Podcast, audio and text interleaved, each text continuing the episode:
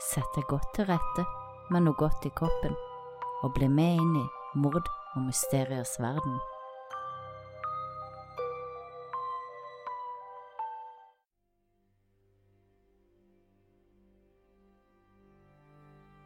Roch Terror var en kanadisk kultleder som starta ei lite religiøs gruppe som han styrte med jernhånd og utsatte for grov fysisk, psykisk og seksuell mishandling og vold. Roch ble født 16. mai 1947 i Quebec i Canada. Foreldrene var fransk-canadiske. Som barn var Roch meget begava, og han ble sett på som veldig intelligent. Men allerede i syvende klasse droppa han ut av skolen og begynte i stedet å lære seg sjøl Det gamle testamentet. Ettersom tida gikk, så utvikla Roch ei sterk tro på at dommedagen nærma seg, og at denne ville bli utløst av en krig mellom det gode og det onde. Roch, som hadde vokst opp i den katolske kirka, konverterte etter hvert bort fra sin katolske tro og gikk over til den syvende dags adventistkirka. Samtidig begynte han å praktisere en holistisk tro, som innebærer tanken om at alt i universet henger sammen og utgjør en helhet. Roen oppmuntrer til en sunn livsstil uten usunn mat og tobakk. Da Roch nærmet seg 30 år, begynte han å søke etter folk til å følge han og hans nye tro. Selv hevder Roch at han var i direkte kontakt med Gud.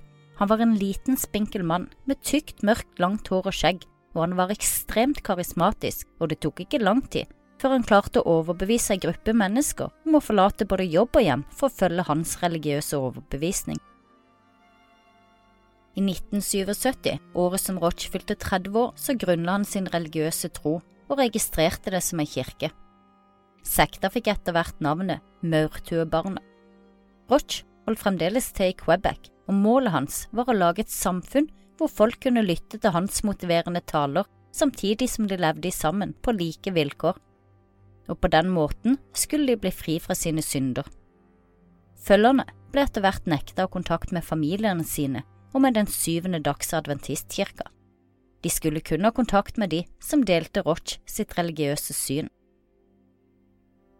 Ett år etter at Roch grunnla Maurtuebarna, ble Roch mer og mer redd for jordas undergang, og han hevda til sine følgere at Gud hadde advart ham om at dommedagen ville komme i februar 1979, og han brukte følgerne sine til å forberede seg på denne dagen. Som en del av forberedelsene flytta Roch gruppa si i 1978 opp til ei fjellside ved navn Eternal Mountain, det evige fjellet. Roch hevda til sine følgere at ved å bosette seg her ville alle bli redda fra dommedagen. Og det var her oppe i fjellene at Roch si sekt fikk navnet Maurtuebarna. Det skjedde etter at Roch hadde satt i gang sine følgere til å bygge opp en liten by, og sjøl satt han og slappa av betrakta arbeidet som ble gjort. Han syntes følgerne minte om maur som bygde maurturer. Februar 1979 kom og gikk som vi vet, uten at jorda gikk under, og dette fikk flere av Roch sine følgere til å tvile på hans visdom. Men Roch forsvarte seg med at tida på jorda og tida i Guds verden ikke var like, og at tida han først hadde oppgitt, derfor var ei feilberegning. Kanskje var det frykten for at følgerne skulle forlate han som utløste Roch sitt neste skritt. Roch ville utvide følgerskaren sin og holde følgerne sine hengivne til ham, og for å oppnå dette så gifta han seg med alle de kvinnelige følgerne sine og gjorde samtlige gravide. Dette resulterte i at han ble far til over 20 barn med ni forskjellige kvinner. Og på 80-tallet hadde Roch rundt 40 følgere som han nå hadde full kontroll over. Og de ble tvunget til å bære identiske klær for å representere likhet og vise deres hengivenhet til gruppa. Men etter fire år oppe i fjellene så bestemte Roch at gruppa igjen skulle flytte på seg, og denne gangen slo de seg ned i en liten by rett utenfor Ontario. Gruppa var nå ganske godt etablert, og ettersom tida gikk, gikk Rocho mer og mer bort fra sin rolle som motiverende leder, i takt med at hans alkoholproblemer økte. Han ble mer og mer totalitær overfor sine følgere og styrte til slutt alt i livene deres. For eksempel fikk ikke følgerne lov å prate med hverandre uten at Roch var til stede. De fikk heller ikke lov til å ha sex med hverandre uten Roch sin tillatelse. Men selv om oppførselen til Roch ble mer og mer irrasjonell og misbrukt og økte, var det likevel ingen av følgerne som satte spørsmålstegn ved dømmekraften hans. Til det var han altfor karismatisk og flink til å tale for seg. Derfor var det heller ingen av følgerne som åpentlyst anklaget ham for fysisk og mentalt misbruk. På et tidspunkt innførte også Roch straff for følgerne sine om han fikk mistanke om at de holdt på å forlate gruppa. Han spionerte på de, for deretter å hevde at det var Gud som hadde fortalt ham hva de tenkte på å gjøre, og hvis en følger uttrykte ønske om å forlate maurtuebarna, så straffa han de på brutale måter. En av metodene var å henge de i taket, for deretter å slå de med enten en hammer eller et belte. Han kunne også finne på å nappe ut hvert eneste hårstrå på vedkommendes kropp, ett hår av gangen, og i noen tilfeller så bæsja han også på de som straff. Maurtuabarna tjente inn penger til gruppa ved å selge bakverk, men de følgerne som ikke tjente nok penger, ble også straffa. Og ettersom tida gikk, ble Roch sine straffemetoder bare mer og mer voldelige og ekstreme. På et tidspunkt fikk han følgerne til å brekke sine egne bein med slegger. Han fikk de til å skyte hverandre i skuldrene. Noen ble tvunget til å sitte på komfyrplater som var påskrudd, mens andre ble tvunget til å spise døde mus og avføring. Og som om ikke dette var ille nok, beordret han også følgerne til å mishandle hverandre. Han fikk det blant annet til å kutte av tærne på hverandre med ei avbitertang. Dette var noe de måtte gjøre for å vise sin lojalitet til Roch.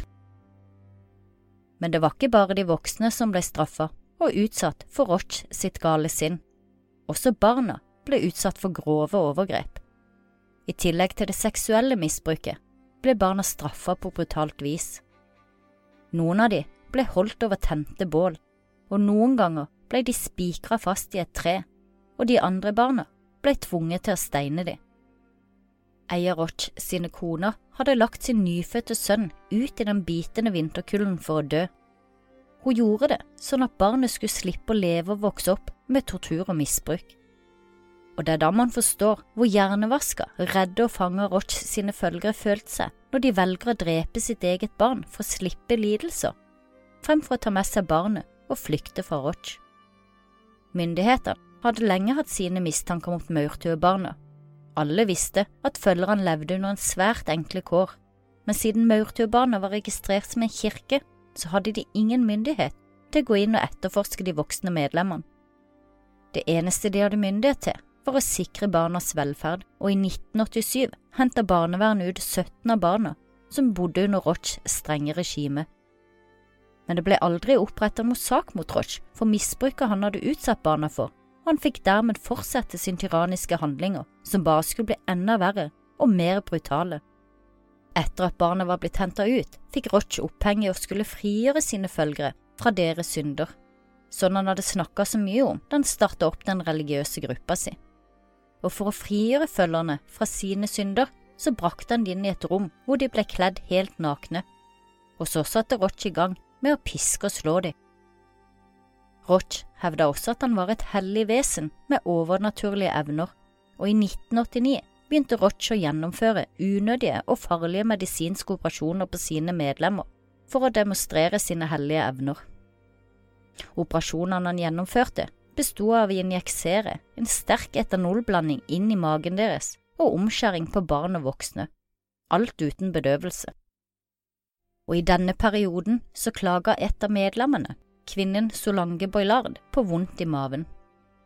Roch førte Solange inn i et rom og la henne naken på et bord, og uten bedøvelse så starta han sin operasjon, som først besto av å slå Solange hardt i magen.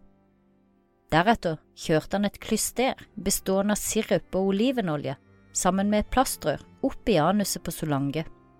Og så kutta han opp magen til Solange rett under navlen og dro ut deler av tarmene hennes med bare hendene. Så tvang han et av de andre medlemmene, Gabrielle, til å sy igjen magekuttet med vanlig nål og tråd. Han fikk også en av de andre kvinnene til å dytte et rør ned i halsen på Solange, for så å blåse luft inn.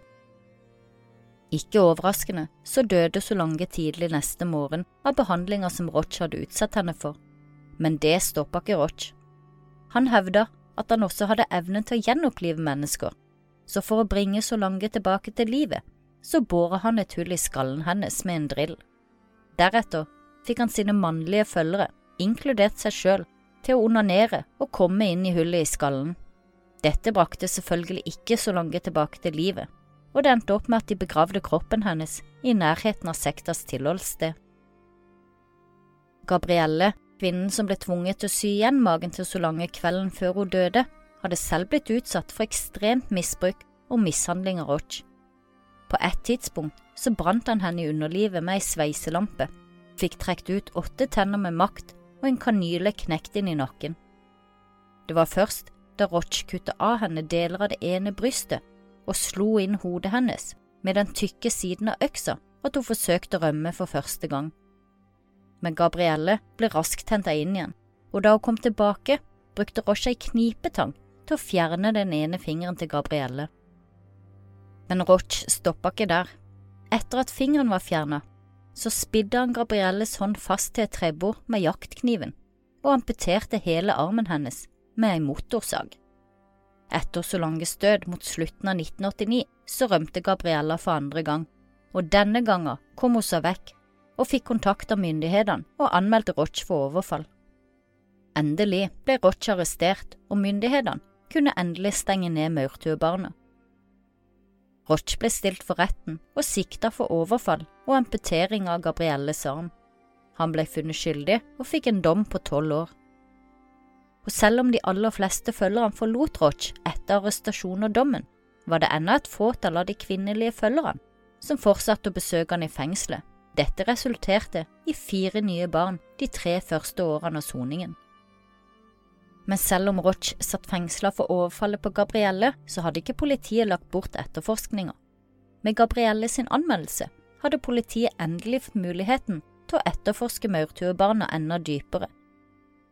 Og politiet avdekka det grove misbruket som Roch hadde utsatt sine voksne følgere for, og barna deres.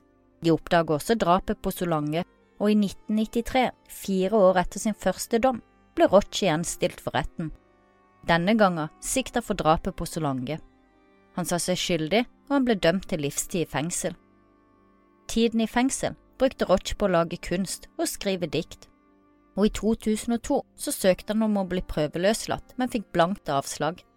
For domstolen anså ham som høyrisikofange og med stor fare for å fortsette sin voldelige atferd. Dette var første og eneste gang som Roch søkte om prøveløslatelse. I 2009 forsøkte Roch å selge kunsten og diktene sine via ei webside med navnet murderauction.com. Disse var villige til å selge kunsten og diktene hans, men myndighetene satte foten ned og forbød at hans kunstverk og dikt forlot fengselet. I 2011 var Roch blitt 63 år gammel. Han satt fremdeles fengsla i Dorchester, hvor han hadde vært siden sin andre dom i 2002. Her delte han celle med den 60 år gamle Matthew Garrod, som også sonte for drap. Og 26. februar 2011 ble Roch funnet død rett ved cella si. Han hadde blitt drept av en kniv i nakken, påført av cellekameraten Matthew Gerard, etter det politiet mente var en krangel. Etter drapet hadde Matthew gått bort til vaktbua, gitt politiet drapsvåpenet mens han sa den jævla dritten er nederst på rangstigen, her er kniven, jeg har kutta den opp. Matthew ble dømt til nok en livstidsdom for drapet på Roch. Og i 2002 ble det utgitt en film ved navnet Savage Messiah, basert på Roch sine kriminelle handlinger mot medlemmene sine. Gabrielle, som fikk armen amputert og sørga for at sekta endelig ble lagt ned, har skrevet et memoar om sitt liv i maurtuebarna. Boka heter Aliens of the Sheep. Det er skremmende og fascinerende hvordan ett menneske kan klare å ta så fullstendig kontroll over andre menneskers liv. Å være så rå og brutal mot mennesker som i utgangspunktet så opp til ham og ønska å følge hans ord og tro.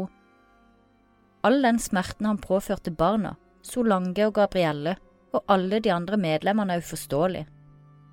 Like vanskelig kan det være å forstå at ingen av følgerne før Gabrielle rømte eller anmeldte Roch. Det viser bare hvor stor makt han hadde, og hvor redde følgerne var, da de alle visste de fryktelige konsekvensene hvis forsøket deres på å rømme mislyktes. Heldigvis tok det hele slutt før enda flere ble drept eller ødelagt av Rochs vrede. Og forhåpentligvis lever de tidligere medlemmene og barna hans gode liv i dag, for det har de virkelig fortjent. Det var alt for denne gang. Takk for at du lytter. Vi høres igjen neste uke.